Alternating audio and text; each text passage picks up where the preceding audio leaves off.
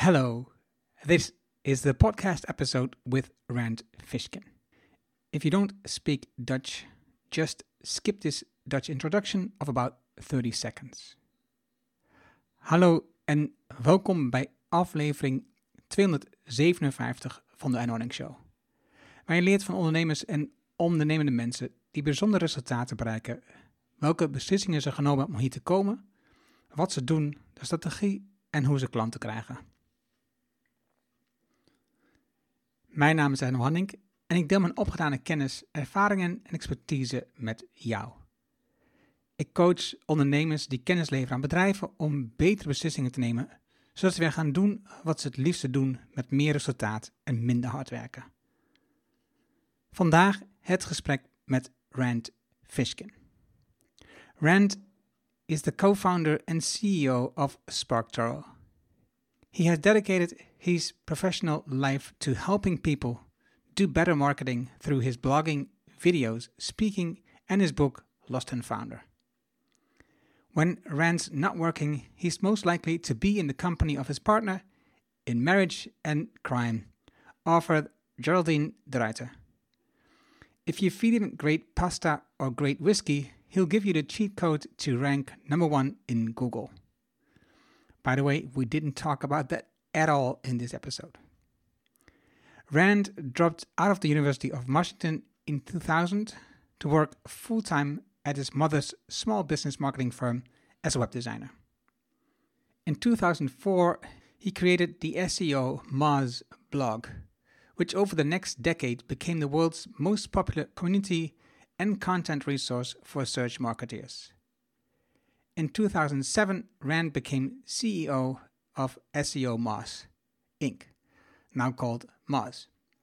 The software company he co founded with his mom based on the blog's success. Rand grew Moz from 7 employees to 134. Revenues from 800,000 to 29 million and traffic from 1 to 30 million annual visitors. He raised two rounds of funding, led three acquisitions, and a rebrand. Rand stepped down as CEO in February of 2014 during a rough bout with depression and left the company four years later. We talked about all this and more, and what you as a small business owner can learn from this. Rand shares, for example, his tips on staying healthy and why he loves to pay taxes. Enjoy the insights with Rand. Let's get started.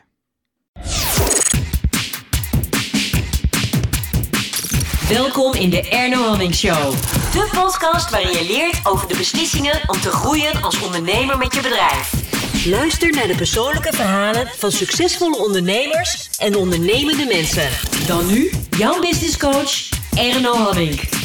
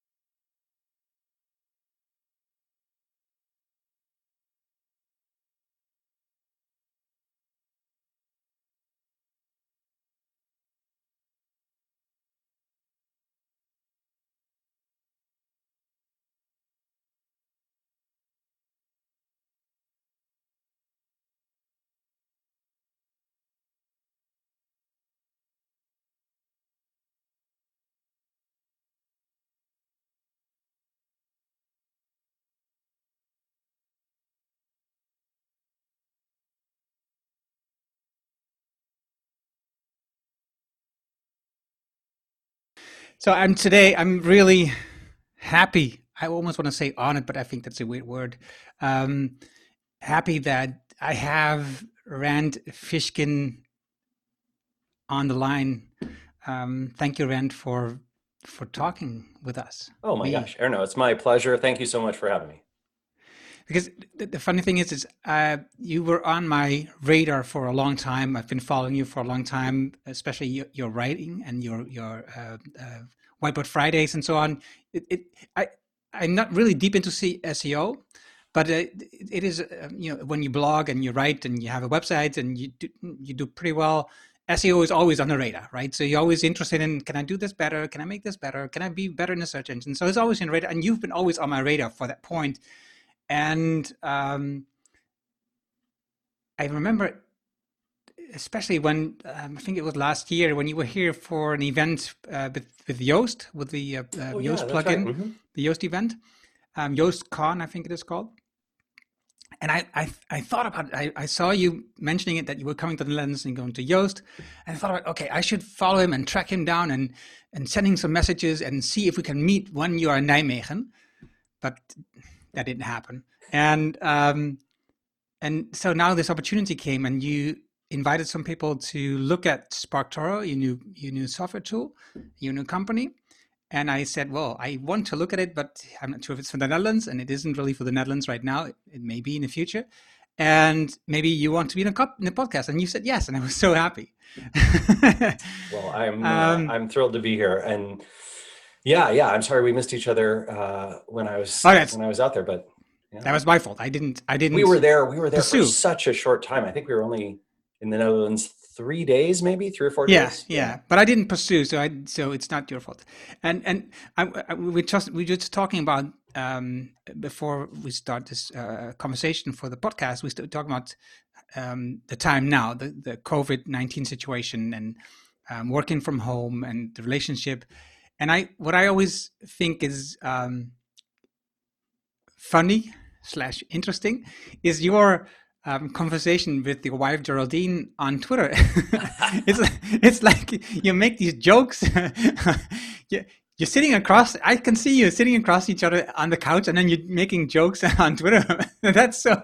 I think it's so funny. I mean, Geraldine is, you know, she's a writer, she's a humorist, um, she's a published author, so she's just, she's hilarious and fun to be around all the time. And um, yeah, her her online voice is just so so delightful, right? So enjoyable, and um, yeah, being able to lean into that, especially because we we both sort of have social followings in different sectors. Uh, that that's been really fun. I agree. I agree. I, I love her tweets. I love her, her vision and her view on things, and and and the, the delight that she um, sees in things. I I love it. So um, I I didn't know her before, but you know, I saw you communicating. I who is she, and then oh, I understood. Oh, oh, it's her wife. It's his wife, and okay, uh, let's follow Geraldine. And since then, I see all these funny conversations going on. That's really funny.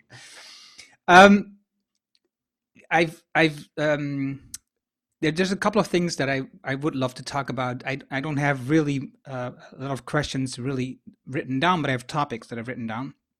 And a part of comes from your book, Lost and Founder, um, which is a a really hands-on book uh, uh, when you are a founder, a business owner. Um, you are in the process of growing a company or starting a company. It has all these different kind of angles of uh, the position where the company is and how large it is and all your experiences. So it's really interesting. And then, of course, um, you started your new business, SparkToro. So I want to talk about that a bit. And um, let's begin um, because I'm going to ask you some questions which are really obviously written in the book, uh, but a lot of people wouldn't have read the book, and I um, read the book, and I want them to buy the book. So let's let's okay. tease them into the book. Sounds good. I'm sure you because and my I, publisher will be very happy about this. yeah, no, but I, I think um, the book is really interesting if you are a business owner yeah. Um, and you want to learn about um, how you have grown the business Moz um, to a 40 million uh, revenue per year business. Um, with uh, how many employees were at the moment there? Uh, let's see when so when I stepped down as CEO, I think Moz was around uh, 30, yeah, maybe 38 million something in revenue uh, around there, and about 150 employees. And today right. it's 200 some odd employees and maybe around 55 million. See, see, that's that's a phase that a lot of people business owners don't get to. So it's a very interesting story to read, an interesting book to read if you want to learn more about um, what's happening in those phases, and especially when you are also using uh, venture capitalist uh, venture capital yeah, right. money, right? Yeah, I think that. I mean, I think that that is um, part of the, you know, part of the reason I wanted to tell the story in in Lost and Founder was was to help folks not make the same mistakes that I made, and I think one of the mistakes fundamentally that I made was was raising investment capital.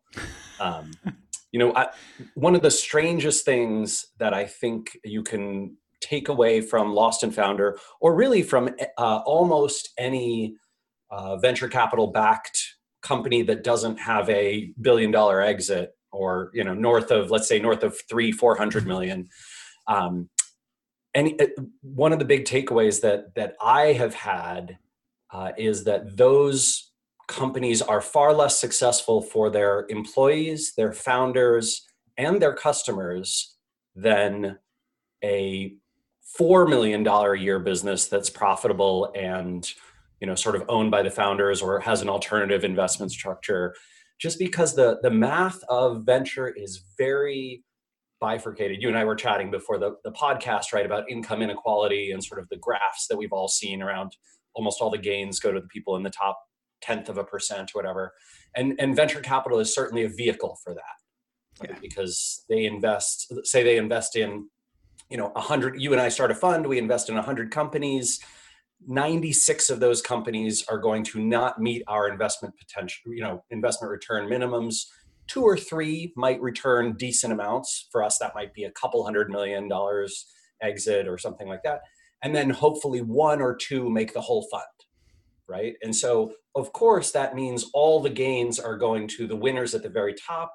And then you have a huge swath of companies, founders, employees, you know, uh, partners, providers, service providers, and customers who are very unhappy, right? Because they, they had a bad time. And as a venture capitalist, I think you have to you have to sort of get immune to that. Like, okay, I'm going to make a lot of people very angry and a couple of people very rich that that must be an odd job. That must be a very. you must have a thick skin. Yeah, I think I think even if you don't start with one, uh, you you have to get there eventually. And I, you know, my investors, as I I, I talked about them, you know, a lot in in the book. Um, I like them. I think they are fundamentally good people, but I I don't know that the incentive model and structure of venture um, is ideal even for them right? I think i think fundamentally i think my investors you know brad and michelle seth i think they would have been happier uh, in another type of funding situation.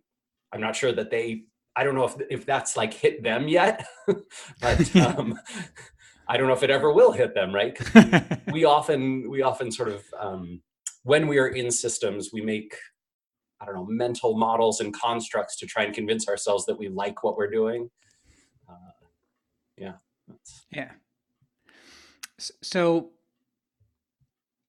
um, so, so th- that brings me to the conclusion that you will never again get to venture capitalist for SparkToro. yeah, I, I think SparkToro intentionally, right? We raised, we raised money in this very alternative scheme. So we have a, um, an LLC, which is which is um, a limited liability uh, company, and essentially, you know, Casey and I are partners in that, and then our investors own uh, shares or, or units in that LLC, and they can participate in profit sharing and dividends. And we basically, once we get them their money back, then we sort of can participate in profit sharing as well. So it's a you know it's a good incentive structure for us to become a profitable, sustainable business. And for um, you know, for our investors, they they basically have the incentive of, oh, we want to see SparkToro succeed, but it, at any outcome, right? They're very happy Uh, if SparkToro becomes a million dollar a year business, well, that's not great, but it's pretty good, and they'll be fine, and we'll be fine. If it's a five million dollar a year business, they're going to be thrilled. Ten, thrilled. A hundred, thrilled. So I, I, like I like that model because um, I think when you start a new company, you don't know what it's going to be. You don't know where along the distribution curve you fall, how big the market is going to be for sure, how well you're going to do for sure. And so, why would you build yourself a structure where you essentially fail at all these you know levels of uh, growth and, and success as opposed to give yourself the maximum flexibility uh, to be successful at any number. And i'm i find it very very strange that um, you know that we we have this asset class venture capital that exists the way it does. I i realize why it exists. It's a complicated political tax dodge situation but it, it's just very odd, right? Hmm. Why? I'm just I'm just asking questions, right? So, yeah, yeah. so why is it not possible to um, start SparkToro just with um, save money from you and Casey? I, I so mean, we just don't, didn't don't have, have, it. We don't have enough, right? We we did not. So we raised 1.3 million, um, right? And we have you know, it took us a couple years to build the product uh, and sort of get off the ground. And in that time, we spent uh, just about half that, so, uh, um, you know, getting to getting to launch essentially. And now, now that we're at launch, right, we're uh, closing the gap to profitability. So hopefully, we'll get to profitability before we are, say, at a quarter, you know, run out of about three quarters of our investment fund. But I think we you know, we played it pretty well. I, if I were to go back in time, I would not have raised any less money. Um, but is, is there is there no model that you can foresee where you could just do this uh, in a bootstrap ways, where you oh, just sure. yeah. where you just build on um, clients that are coming in? Uh, I think we could have built probably like a consulting business at first, and then as we you know grew up, sort of built a software business. I think it would have taken much longer. Hmm. Um, you know, we probably would have had I don't know, four to five years of trying to build up that consulting business and then a few years of trying to build it into a software business. And, you know, I, I am no longer in my 20s or even my 30s. So, uh, so I think, I, you know, I'd, I'd much rather accelerate that process. And also, to be honest, I don't know, I, I wanted, intentionally wanted to build an alternative investment structure because mm. I want to try and model for for angel investors and for companies and founders, I want to try and model an alternative. I want to show people that you don't have to raise venture, that you can you can do this in another way.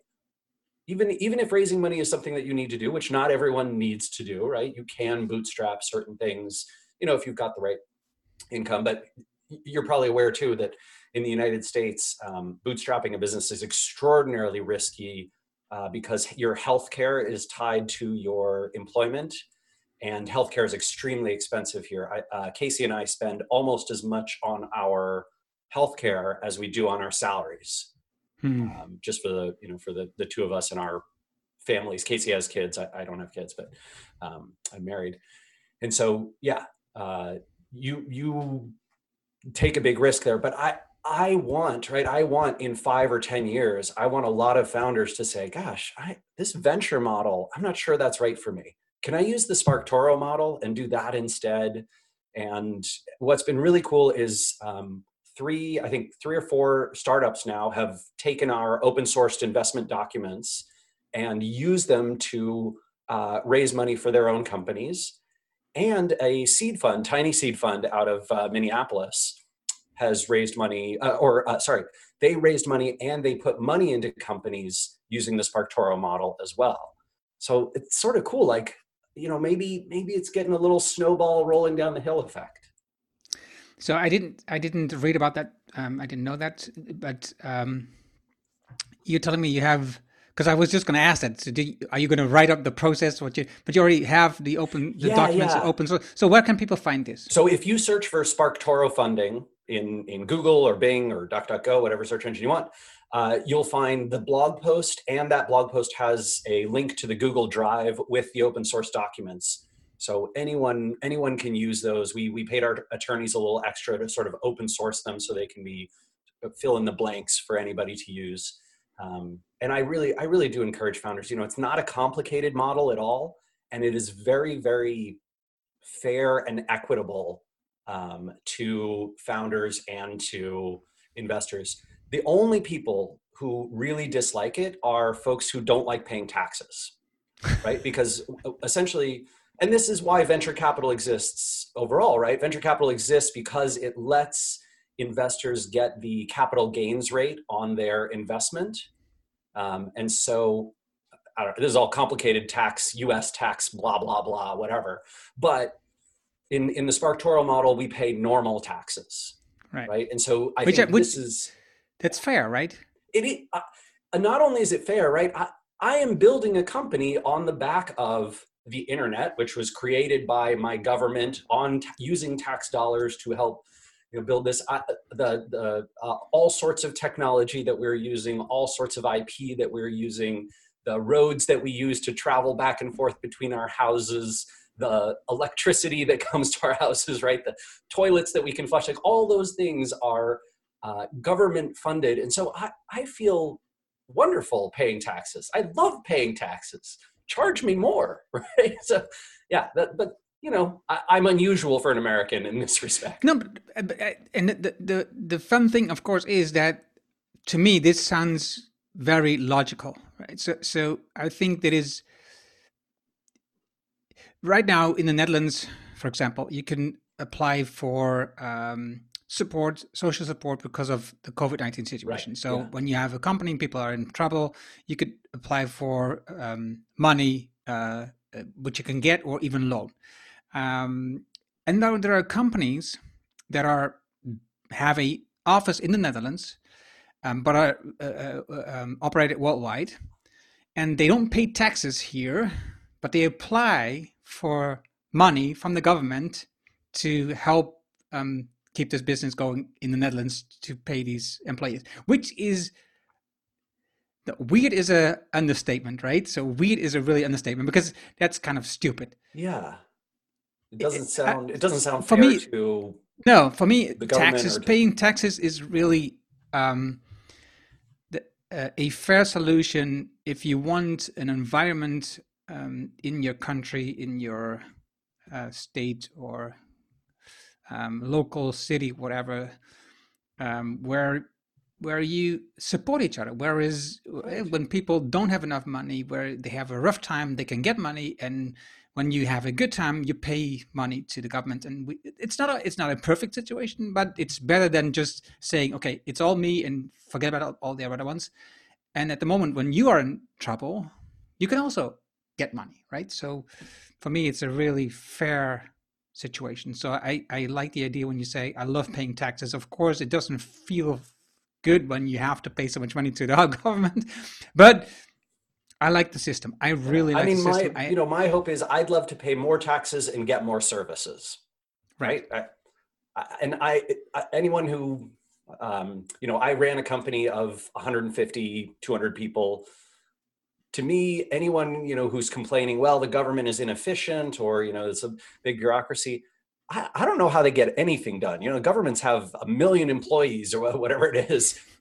It's a miracle to me that the mail gets delivered. It's a miracle to me that you know we have a CDC, that uh, we have a, a, a military, right? Any of these things, I think they're doing extraordinary work. I know how tough it is to manage 50 people, right? And get anything done. So so you, are telling me that you know you're complaining that potholes take six months to fix?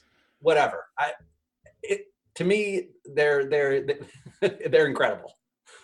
And I think that's that's why I love talking about this part with you because this this um, view on life on on on how the world works you only get because you have had a business which is like 50 to 150 people sure sure. and you don't get this vision when you are like 1 to 10 people in a company because then you have minor problems right? So you don't understand all the other ones we have really major problems.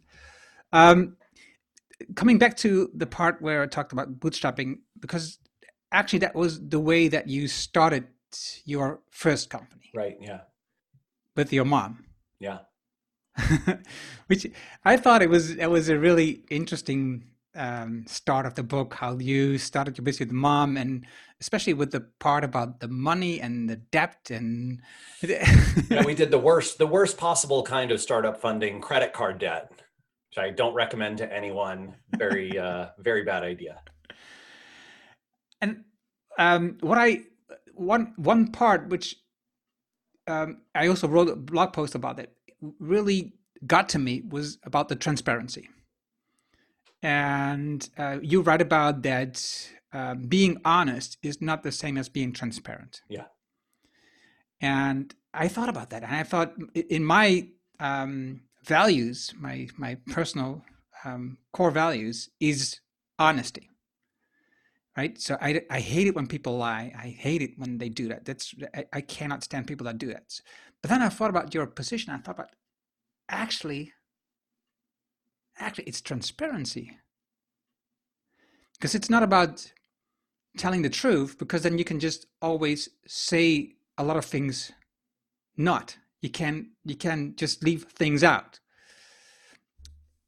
and i thought it was a wonderful point. and um is that because in the book you talk about um your values um, is it still close to the values that you have written down for um, Moz?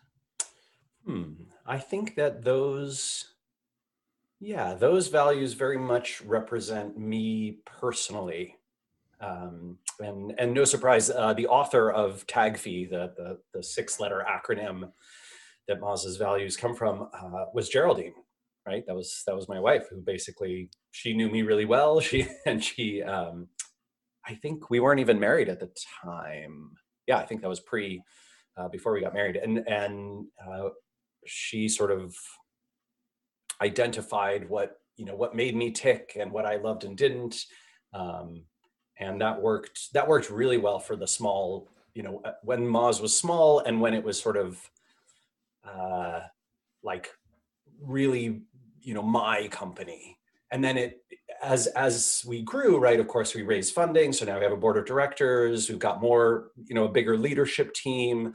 Uh, of course I, I, stepped down from the ceo role in, in 2014 and um, uh, that that transition kind of changed things. And so I, one of the things that i think is odd today is moz still sort of has TAGFEE as part of its culture but um, i think it you know it's not really a great match anymore Hmm. Um, and I would not, I would not necessarily suggest to companies uh, that they maintain the values of you know former founders after the company leaves. Like one of the things I've been urging leadership to do because I'm I'm still on the board of directors is I'm like, hey, you should you should change this up.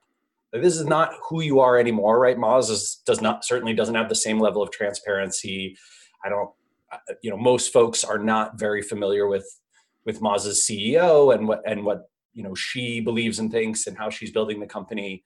Um, and I think that's intentional, right? She's not, you know, she doesn't have that that sort of same, uh, whatever you want to call it, predilection for transparency, which is fine, right? Yeah. So I think you just gotta you got you gotta be willing to change that up over time as things change. Because if I remember right, the the moment that you um, with Geraldine came to this TAGFEE. Uh, what does it stand for? TAGFEE transparency, authenticity, generosity, fun, empathy, and the exception. Right. So then you were with about 30 people? Yeah, maybe even smaller than that, probably in the yeah, 20 to 30 range. So it wasn't just you, it wasn't just your values. It was the value combined of those people, right? Yeah, we we put them. We sort of did an exercise where we all filled out some forms. You know what? Actually, now that I'm thinking about it, we were all together in the room working on it, and there was only maybe eleven of us. So right. we were we were even smaller than that. But no surprise, right?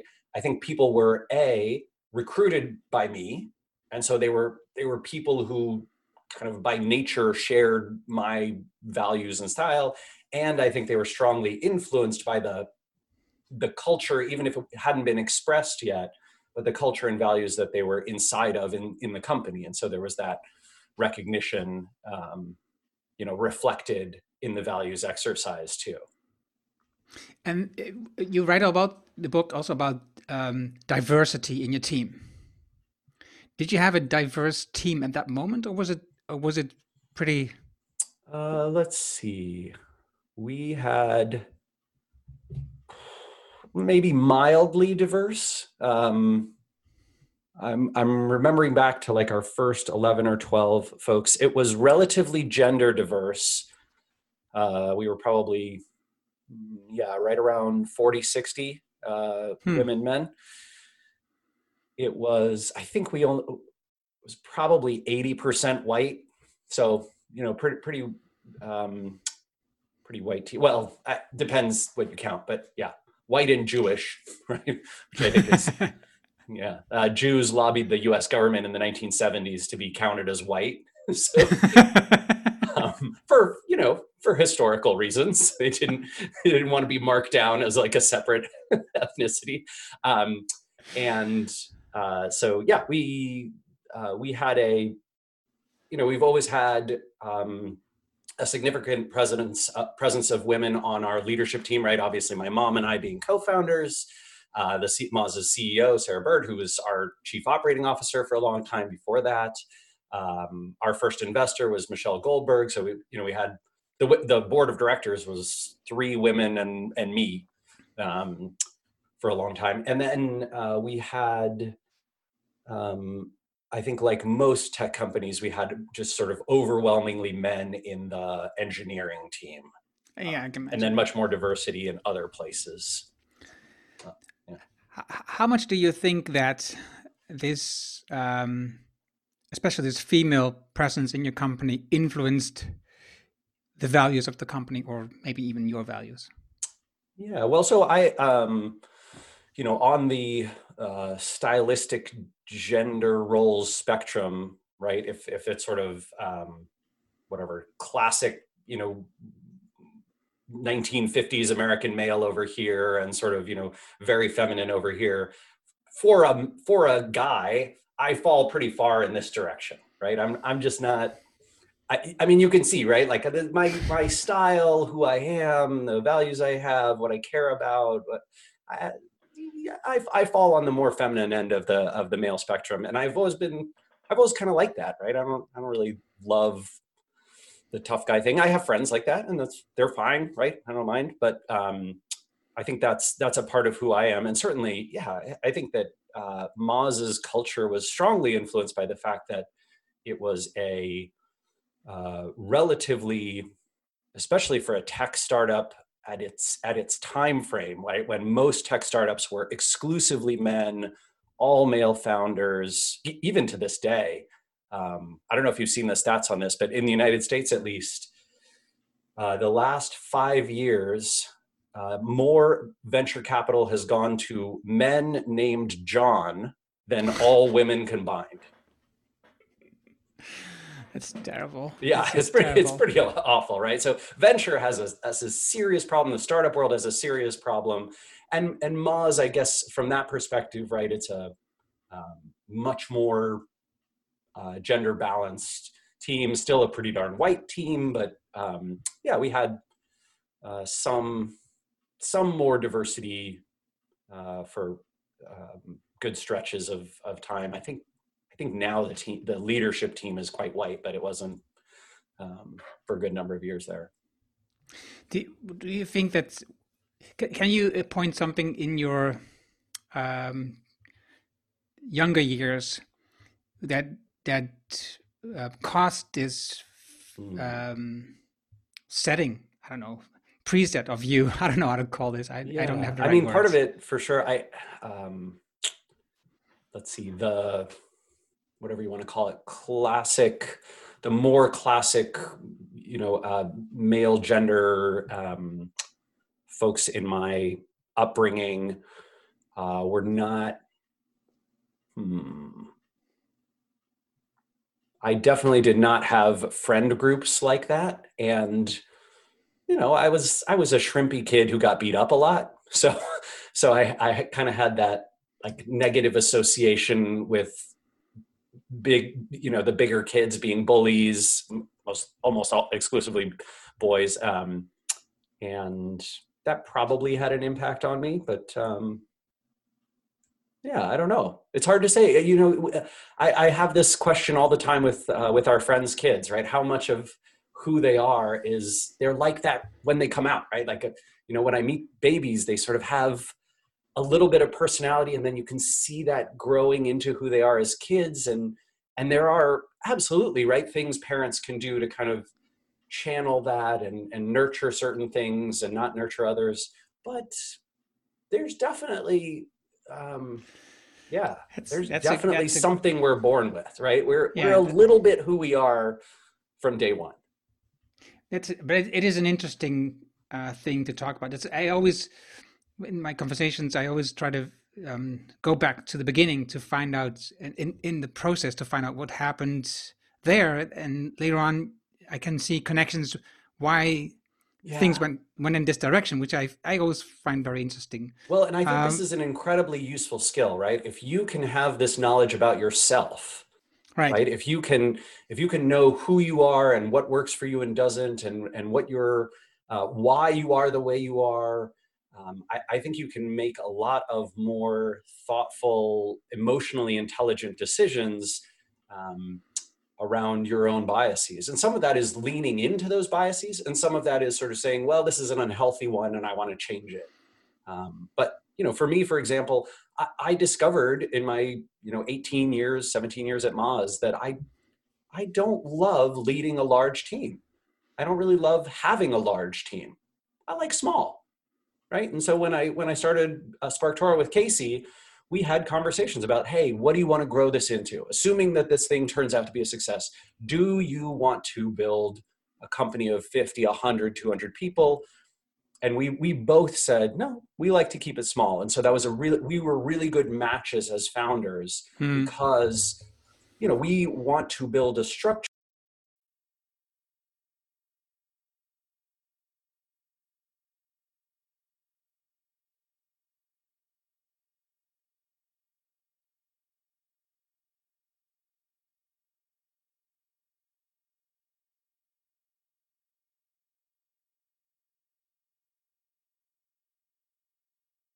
it, I think it's a it's for most business owners this is a very difficult thing. Um, because when you of course you obviously have already built a larger business with many more people. Now you know the um, things that you learn from that. And but if you if you are starting say from 10 people and slowly it grows and it grows and it grows and it grows. And at one point you just find out okay this this somehow um, tipped over a point where i don't like it anymore. So i think it's a very difficult um, thing to to decide how big you want to grow your company yeah. up front do you have any tips how you could do this? How how because you have already had the experience of both sides. Well, let's see. Um, do you mean how to get to the place where you understand your own uh, mental like psychology, or or do you yeah. mean like how do you build a small team?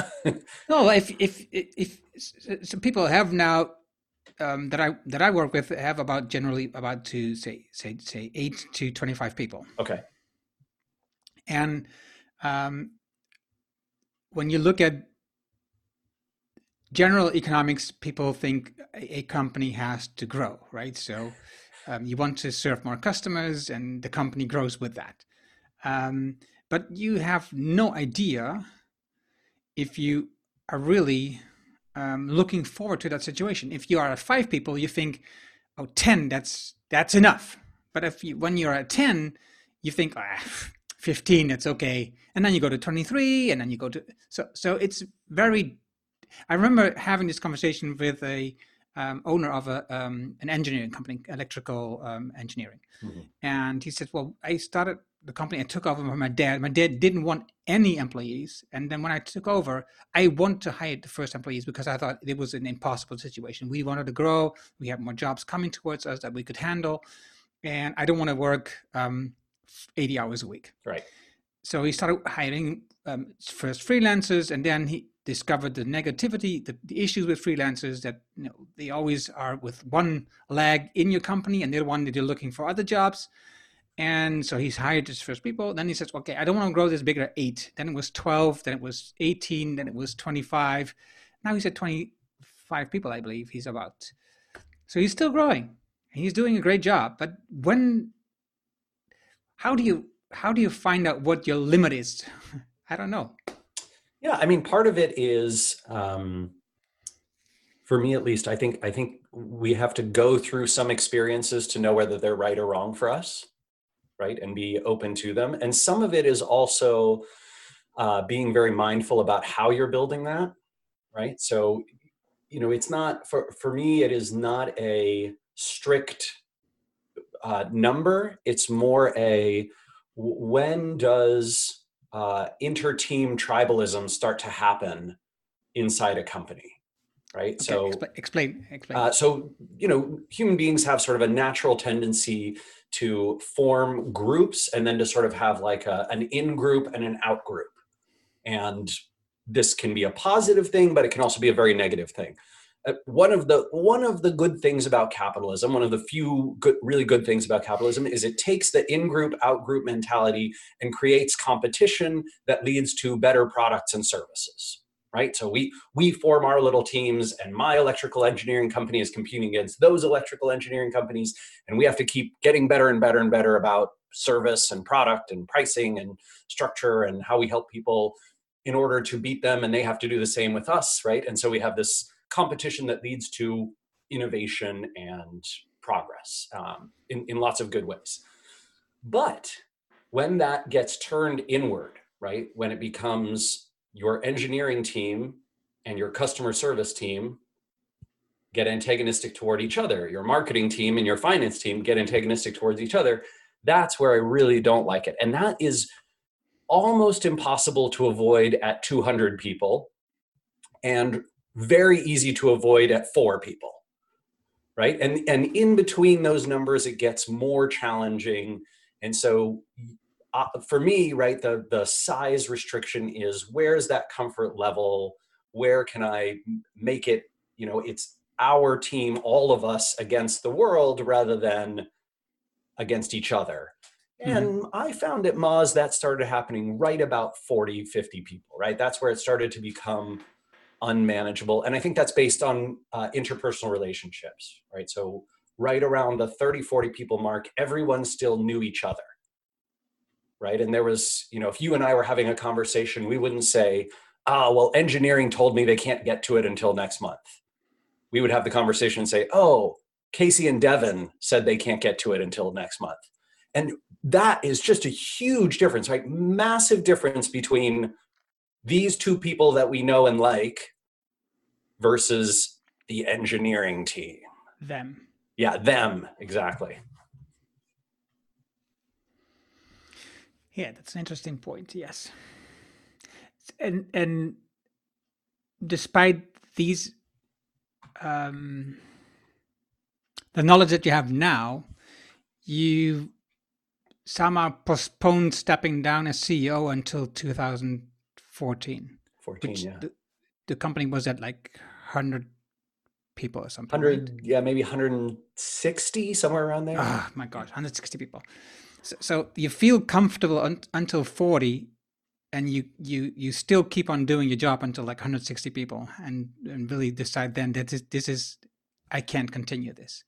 Well, yeah, and I um, I don't think I really had the, you know, I wish what I had was sort of this um, mature, broad perspective, but I didn't I didn't really get that until years later. I think instead, uh, what I had was overwhelming anxiety and panic and um, you know just kind of an internal emotional nightmare situation and and, and depression um, and that is that's what sort of nudged me to have a conversation with my board and say hey um, i'm in a really bad place. I think i need something different. Let's you know let's promote our chief operating officer to the ceo role and i'll sort of step back a little bit um, and yeah, and then that ended up being not not a great feeling and fit for me either, and so I sort of struggled for another four years at the company, and then and then finally left. what what do you think can because because I believe this and, and you write about in the book that you wrote a blog post uh, before an event and you saw the recognition in the audience of this situation. What can founders, business owners do to prevent or make it easier um, to not fall into this this difficult situation where you are in so much stress and anxiety and um, in the end um, almost get sick from from from your state. Yeah. Well i let's see. I, I think the you know all of the research that I've seen on uh, mental health and, and depression, anxiety, emotional health, all those kinds of things, um, is that there it, it's a very complex situation, and often it is not necessarily uh, catalyzed by a particular event, right? So we we might say, oh well, I I had a tough breakup, for example, and you know that uh, that spiraled into depression. But very often, when you sort of reverse engineer it, it's no, you started spiraling into, into depression, and that led to a breakup. And so, um, cause and effect is is very different. I think that's the same thing's true for me. I don't know that the um, the situation at Moz was causing me to become, you know, this sort of mentally unhealthy person, or whether it was mental unhealthiness that was causing me to have negative effects on my business and the people around me. So very hard to reverse engineer cause and effect. In terms of that being said, in terms of prevention or in terms of maintaining mental health, you know, the things that work uh, consistently for people are sort of behavior modification that is um, adhered to with some consistency. You know, human beings are um, you know we are we are living organisms but we and and we have these complex minds but we also do really really well with some structured systems and things like uh, getting a consistent amount of enough sleep. So nine hours in bed and eight hours of sleep is very very well correlated uh, with strong mental health right? And and great performance most of the professional athletes in the world get more than eight hours of sleep a night right? And Why yet business that? people business people like we're insane. Uh, we we somehow wear it like a badge of honor. Oh i only slept 12 hours last week. But you're you're obviously not working well. You're not doing a good job. That's not you shouldn't be proud of that. Um, so i think there's uh, sleep exercise and, and eating well, those things are also very well correlated. Uh, having regular conversations with someone about your mental health, uh, a professional, uh, so you know, counseling, therapy, uh, that is very well correlated. And and if you are having severe issues, for many people, medication works as well. Um, there's a number of studies suggesting that um, if some of your mental or emotional health issues are caused by trauma, uh, that that trauma therapy can be very very helpful. Um, there's a there's a surprising amount of people who seem to um, get through their uh, experiences or, or have a more positive experience when they are um, micro dosing on on uh, psychedelic mushrooms. And uh, there's like a bunch of studies around that coming out that are now getting uh, funding and and that might become something that you know the medical community at large recognizes in the in the next 10 years it wouldn't surprise me. Yeah.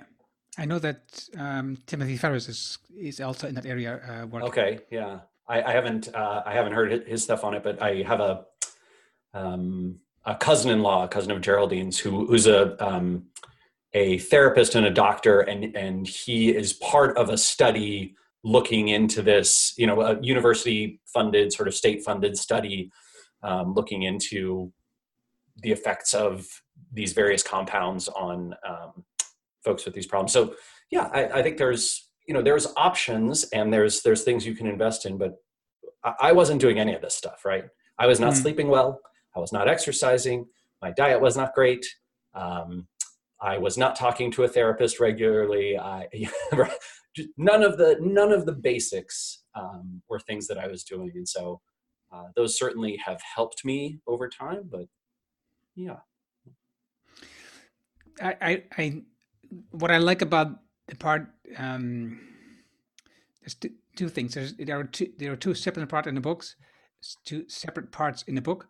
Um, first, you talk about how you build up uh, the marketing of um, SEOmoz at the time, uh, which is called now Moz, is um, where you've where you've written like a thousand articles uh, before it actually you know you you got traction, you got an, a, a decent audience that is uh, that likes it, and um, you wrote made content um, in the evenings. So so you work during the day in the office, then you go home or you stay in the office, I'm not sure. And then you do all this content thing. And that already I when I read this, I got, oh, okay, so this is 12 hours a day, right? So doing the work and then doing the content thing, that's 12 hours. Um, but also you write about now in the end of the book, you talk about how you would do this thing differently is, um, for example, you would find 100 uh, customers with that you, that would be interested in what you were doing, interview them all, and um, a, a change or, or, build a product that aligns with the, the issue that they want to tackle, and also make content around that topic. So you build your network first, then yeah, network, then expertise and community, uh, and then sort of the the product and the content to go with it, right? And I think this um, this model, I, I've seen a ton of people who who follow that path be much more successful with their with their startup once they launch it because they already have have an audience of people who care about what they're doing and know them and like them and trust them. I think what's really really hard is to sort of go into your basement, right? Interview some customers, some potential customers go into your basement, build that product, launch it, and then sort of hope that somehow people will hear about it, and then then start doing marketing after you launch. You know, when we launched SparkToro in uh, in in March and April, we, we had twenty thousand people uh, who'd put their email onto a list to get notified right? So those are all potential customers who looked at the SparkToro product under construction, right? Sort of a page pitching what we were building and said, that sounds really interesting. I'm interested in that. Hook me up when it's ready, right? And those of those 20,000 people, you know, that's where we got our first 100 customers. And and SparkToro is um, I think you know on the road to profitability because we had that group even though we launched in a pa- pandemic and you know, if, if, that hadn't been the case, maybe we would have had 400 or 500 customers from that 20,000 email list. But um, I think there's uh, so much, so much value in building up that uh, marketing before you have your product. It, it makes a world of difference. And Moz did it unintentionally, right? Because we had we had this consulting business. I was blogging, so we built up this community. And then when we launched the software, it kind of took off, even though the software was crap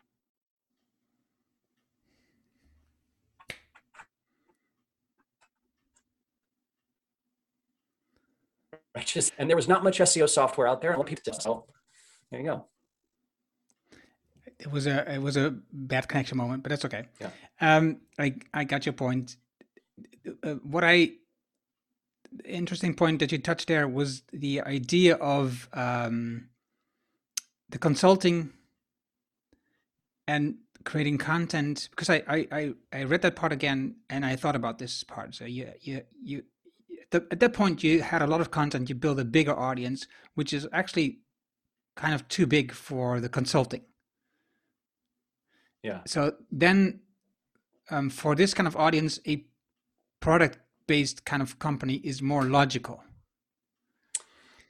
that's that's how i read it i think that i think that is true uh, well certainly a product based company that can scale uh, without adding tons of people to consult. Uh, it is certainly a more um, a higher profit margin and potentially higher benefit to everyone, right? To founders and employees and to customers, because you know one customer who's benefiting from software that you built uh, 10 more 100 more 1000 more can benefit from that same software.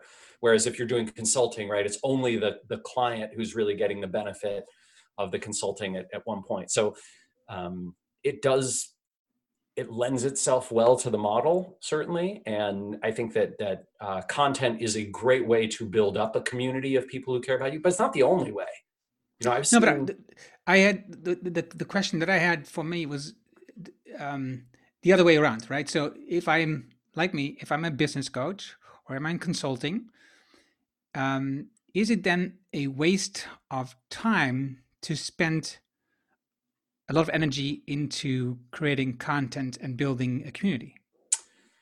I think it's not necessarily a waste, and you can see, you know, a number of consulting and services-based businesses who've done extraordinarily well by by building that up. What I would say is, I would, um,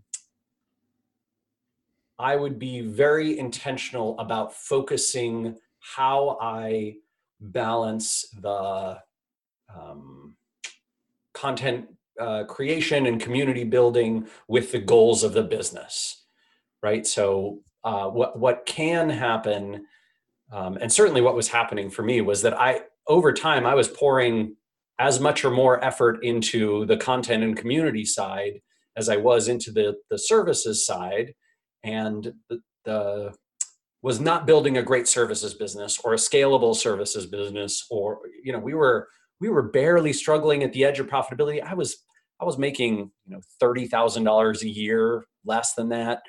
Um, my mom sometimes wasn't taking home a paycheck, and yet we had thousands of people visiting our website and you know checking out our content and liking what we were doing. So the the model didn't work great.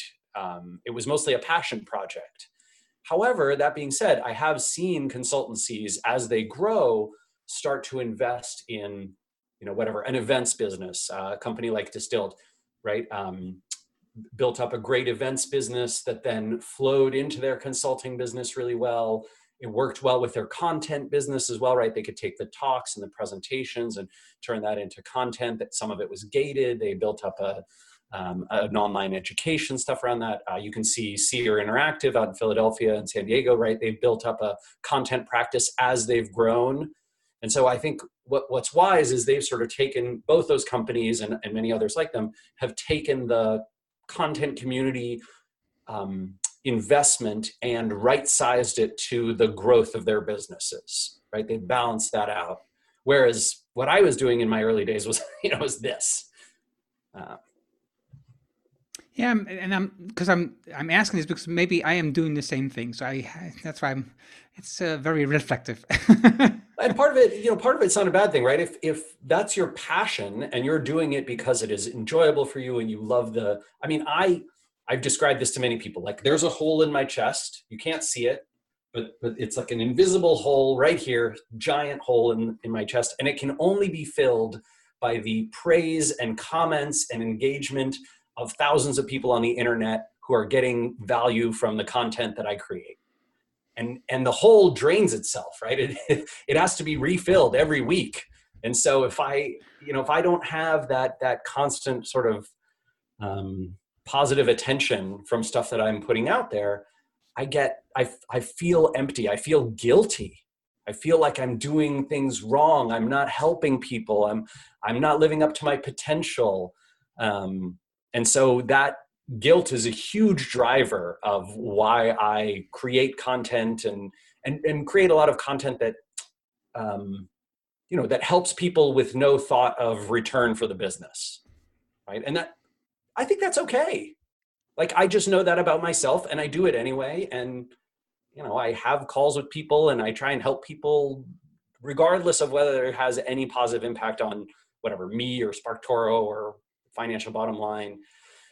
Okay that that's something rand does right? That's like something i do with my time because i want to and it makes me feel good and it makes me feel like i'm you know a positive contributor to society. But uh, is it is it tactically and strategically the wisest thing i can do maybe not is it is it still that you work like eight hours in your business and then all these things that you just described is in the bonus time No, not as much anymore. I, I my Okay. hours have uh, with SparkToro, my hours have come down significantly. They the last couple months with launch ramped back up again. So the answer to your question, in the last two months would be yes, but the previous two years, no.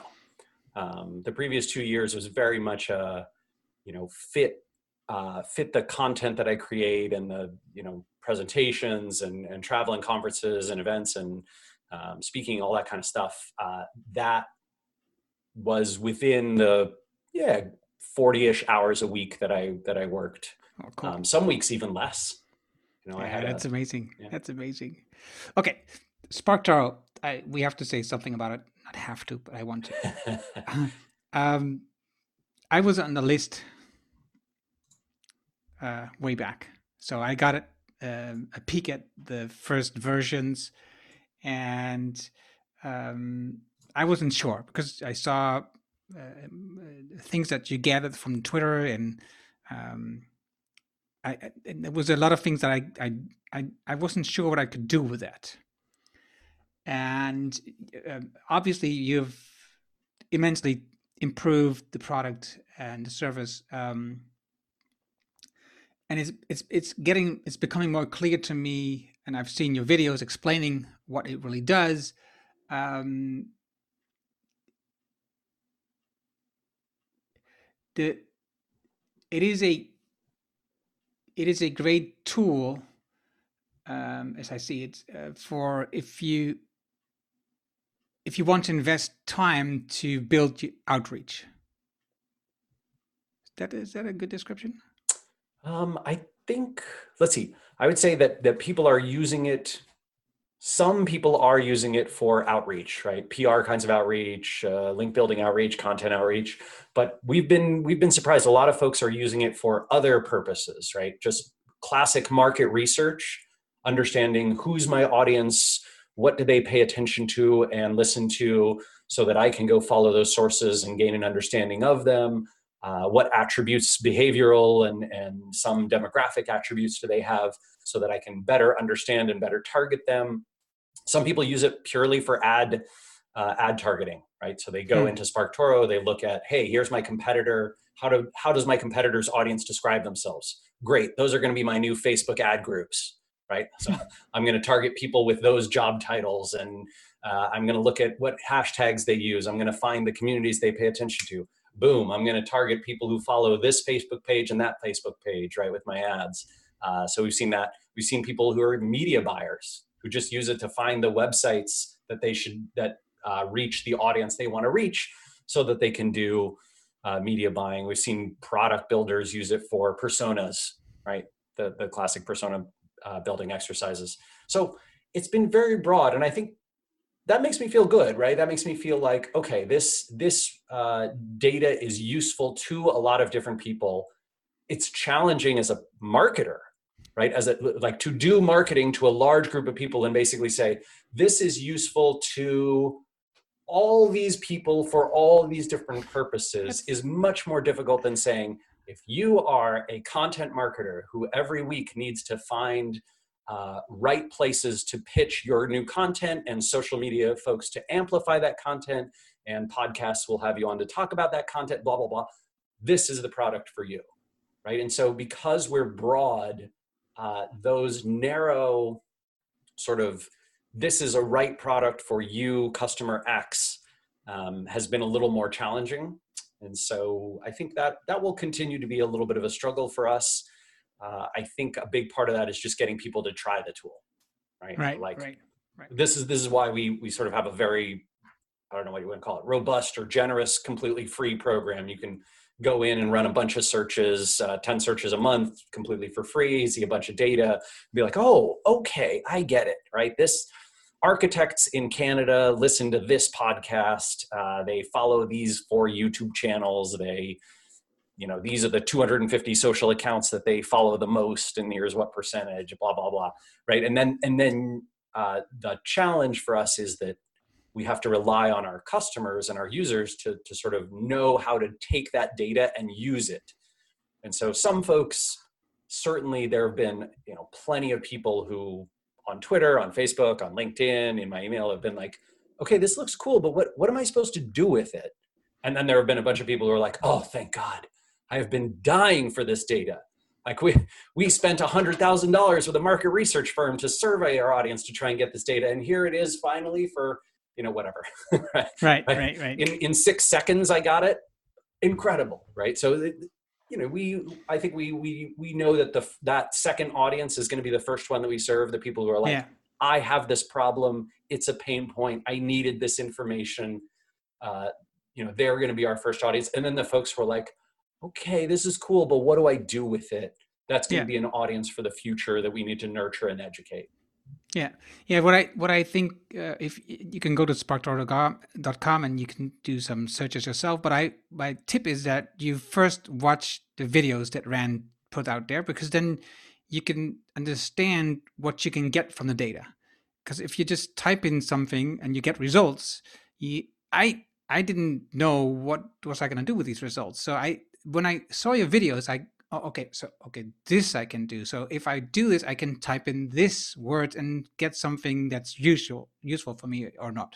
Right. Right. So, so, so yeah, like right, like in your uh, example earlier, if you know that a bunch of uh, founders of small businesses in the Netherlands who you know have 10 to 25 employees and tend to run services based businesses are your audience uh, you might say oh that's a little bit tough to describe what they frequently talk about or it's a little bit tough to describe uh, what words they use in their bio. So instead i know that a ton of them follow this small business website. And so i'm going to use that as my search term and now i can figure out all the other places that i can go reach those people. And hey here's someone you know here's a social account that a ton of those small businesses in the netherlands follow. I'm going to get that person on my podcast they're going to right you have a perfect platform for for attracting that attention organically right? And so you might say oh this is this is amazing right? And and you might do that for free. Like you don't you don't have to pay for an account right? That might be something that you're just you just get a lot of value from two or three free searches and it, it, it helps your business tremendously. Wonderful great. And then if your business scales and you have a bunch of need in the future for lots more of this kind of data sparktoro's there. And if not you know casey and i are honestly thrilled to build a business that helps other people, even if it doesn't necessarily mean financial return for us. And we know from experience that if we help lots of people, they will refer people to us, right? It, it, it doesn't just end at, you know, oh, well, how can you give this away for free? That's never how it works. Right, right. I agree. No, I think I think that um, when you when you try to serve many people there will always be money for there there for you. Yeah. Well and yeah i certainly during during this pandemic when so many industries are so hard hit and then others have you know much greater demand. There's tons of people who are trying to build e-commerce businesses right now tons of people who are trying to build um, new types of entrepreneurial ventures. I, I, don't know if you've seen the data from like uh, shopify and gumroad showing just you know record levels of new people getting on the platform patreon kickstarter right all these ty- types of businesses um, so we we're lucky in that we're broad enough to where um, the folks who are benefiting or, or seeing increased demand from the pandemic can find SparkToro really useful too. And so that that sort of helps make up for some of the, I think, loss that um, we're experiencing broadly across the economic spectrum. Right. So um, let's try to um, end this yeah. uh, slowly. um, what is it? What is it Do you see is your path for the next six months or so? Well, um, my my expectation is things, unfortunately, in the, in the U.S., I think are going to get worse before they get better. So you can see sort of a pattern of, and this is true for previous pandemics as well um, granted, it's been like 100 years since we had one, but uh, where essentially things open up too early, which we're seeing in the US, and then there's a second wave, and that makes even more people scared to go out and do anything, and spending pulls back even further. And it, it looks like the United States is following that model pr- pretty closely. Netherlands So- too. Yeah, yeah. So it's just, you know, we're sort of anticipating that that's going to be the case, and that we're going to have to hunker down and um, kind of focus on uh, building the business for businesses that it see increased demand, and that that is mostly sort of you know e-commerce. Um, there's a, a lot of kind of early stage entrepreneurial stuff, a lot of tech, um, a lot of uh, remote work and work from home resources uh, all those kinds of things. And then uh, it, it is absolutely true, in my opinion, that there's a huge amount of pent up demand, right? That, that people want to go out to restaurants. They want to go to cafes. They want to go to bars again. They want to travel again. They want to jump on planes and fly to Italy and have amazing pasta, right? Which which I do too. Like I'm not, you know, I would love to see all our friends and relatives there, and I miss everybody, right? So I think uh, when uh, when we get to a stage where either there's a um, you know uh, not a cure but but like um, antivirals and much better treatments or there's just a vaccine we're going to see that pent up demand come back uh, and return and so it's a great time for a lot of people ourselves included to be building up our marketing flywheels and building up Mhm. that future demand right getting people who know us and like us and have tried our product for free and are on our email list and yeah maybe they're not customers today but in 18 months in two years a lot of them are going to come to us when they need to figure out hey okay the market's coming back i'm ready to spend on marketing Right. again where do i Right. do that So, so, and you say 18 months, two years. So that's also kind of like the time frame that you have where you can build up the um, flywheel on this time. Yeah, and I think I mean we're really lucky that we raised as much money as we did because it gives us that it gives us that uh, path right to be able to have losses monthly losses for yeah 12 to 24 months and be okay uh, and make it through. So uh, uh, I think I think we're going to be all right. You know, we're in a What better is- situation than a lot of people. You're 150 customers now, Yeah. which pay you either monthly or uh, uh, one time a year. Um, what is the what is the aboutish um, number of customers that you need to be positive? We're we're not that far off. I think it's somewhere between 250 and 300. Oh, okay. um, at our current average revenue per user rate. So, um, yeah, it's very it's very possible that if we keep having growth over the next six months, which you know we we were looking at the numbers and we're sort of like, well, we, churn is much higher than it usually is because obviously people's spending um, is is just very restricted and and and we're very proactive about getting people to churn like one of the things I never did this at Moz, but but three days or two days before we bill someone for the next time, we send them an email that Mhm. says like, "Hey, you're about to get charged. Click this button to cancel if you don't want to get charged because we don't we don't want you to have to pay us money if you're not using the product." right, right, um, which if, is fair.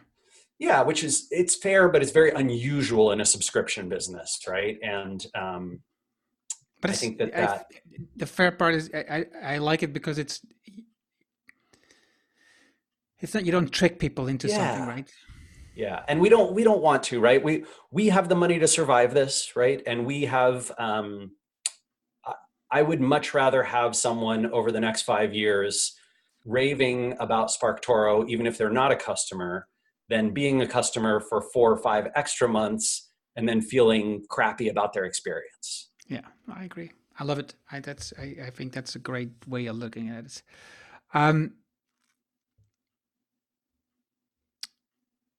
Oh yeah, the flywheel. Um the fly you, you talk about the flywheel. Is that is that because flywheel is a general term, but is it is it related to the flywheel um, that Jim Collins describes? Um, a little bit, yeah, a little bit. Uh, it's I generally talk about it exclusively on the marketing side, but you can you can build it, you know, into your full business the way Jim Jim Collins describes as well. And you know, for for the marketing side for us, it's really about building up this um, consistent path where we can keep putting energy into a system, and it and the returns uh, are greater and greater each time, right? So. And and the email list subscribers that's still that's still the main driver? Uh, no, I think at this point, the main driver is um, what I would call like a combination of, of content marketing, uh, PR, uh, customer evangelism and community evangelism, uh, social media marketing, uh, and then and then some email. I think the the free tool is sort of the engine that drives a lot of that. So being able to use the product for free and then attracting web traffic from all these different channels, having people you know use the tool for free. If a few hundred people a day do that, and then those of those folks, uh, a few every week turn into paying customers. Right. So so um, content marketing isn't um, leading to building a list, it is leading to people into the free tool. Yeah, and actually, uh, right now it is not a very direct path. It's pretty indirect. I think in the in the nearish future, we'll probably take, you know, the run your first SparkToro search for free, take that widget and and put it into the blog itself and into the content, so that after you read a blog post from me, you sort of have that tool sitting there, and you're like, eh, sure, sure, I'll try a free search. Why not? I got that. Now that's that's great to understand. That's uh, that's that's something I, I, I wanted to to get from you. Um, um, and Erno, I apologize. I uh, I have another meeting starting. Yeah, no, I I, I, I, I'm, I'm, I, I was just thinking, is there something that I need to ask you? I think I'm, I, I don't have any more questions. So that's just, just timing is just perfect. Excellent. Rand, oh my gosh. Thank you. Thank you very much for having this conversation. I learned a ton um, uh, from reading your book, um, but also from talking to you about the book and all the extras that you gave there. Um, um thank you for building SparkToro and oh, you know, you. and your ideas about um, society, um, taxing, and your you just mentioned unsubscribing. So eh, all these things that that sounds so human, right? Yeah. So social. I like that. Thank you very much. And hopefully we talk another time. I, I really look forward to it. I hope we get to meet up for that coffee uh, at some point. Take care. Thank you for having me. Dat was het gave gesprek met Rent. Je vindt de namen en links die we noemden in het artikel dat bij deze uitzending hoort. Ga daarvoor naar ernhorning.nl slash show 257. Wil je automatisch de volgende aflevering in deze podcast op je telefoon krijgen? Dat kan. Heel eenvoudig, als je een iPhone hebt, dan zit daar standaard de Apple Podcast app. Open die app en zoek op de Annoying Show. Klik op abonneer en vanaf dat moment krijg je het vanzelf op je telefoon. Heb je een Android telefoon, ook dat kan. Download dan eerst de Player FM app. Zoek de Annoying Show, klik op abonneer en vanaf dat moment krijg jij ook de volgende aflevering vanzelf. Heb je vragen, opmerkingen, reacties over deze aflevering met Rand? Stuur dan een e-mail naar podcast.ernorning.nl en ik hoor super graag van jou. Wil je leren hoe je meer resultaat uit jezelf en je bedrijf haalt met betere gewoontes, zodat je meer ruimte krijgt om te doen wat jij het allerleukste vindt? Wil je weten hoe je focus krijgt op het allerbelangrijkste wat jij te doen hebt, zodat je weer gaat ondernemen? Vraag dan het gratis boek Betere beslissingen met betere gewoontes aan op ernoning.nl. Dit is mijn nieuwste boek en je downloadt het helemaal gratis. Je hebt zelfs geen e-mailadres nodig. Wil je de papieren versie van het boek dan ook? Je betaalt dan alleen de verzendkosten. Het boekje blijft gratis. Vraag daarom nu jouw boek aan op ernoning.nl.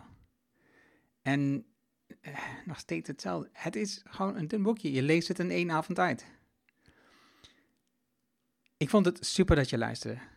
Dankjewel voor het luisteren en graag tot de volgende.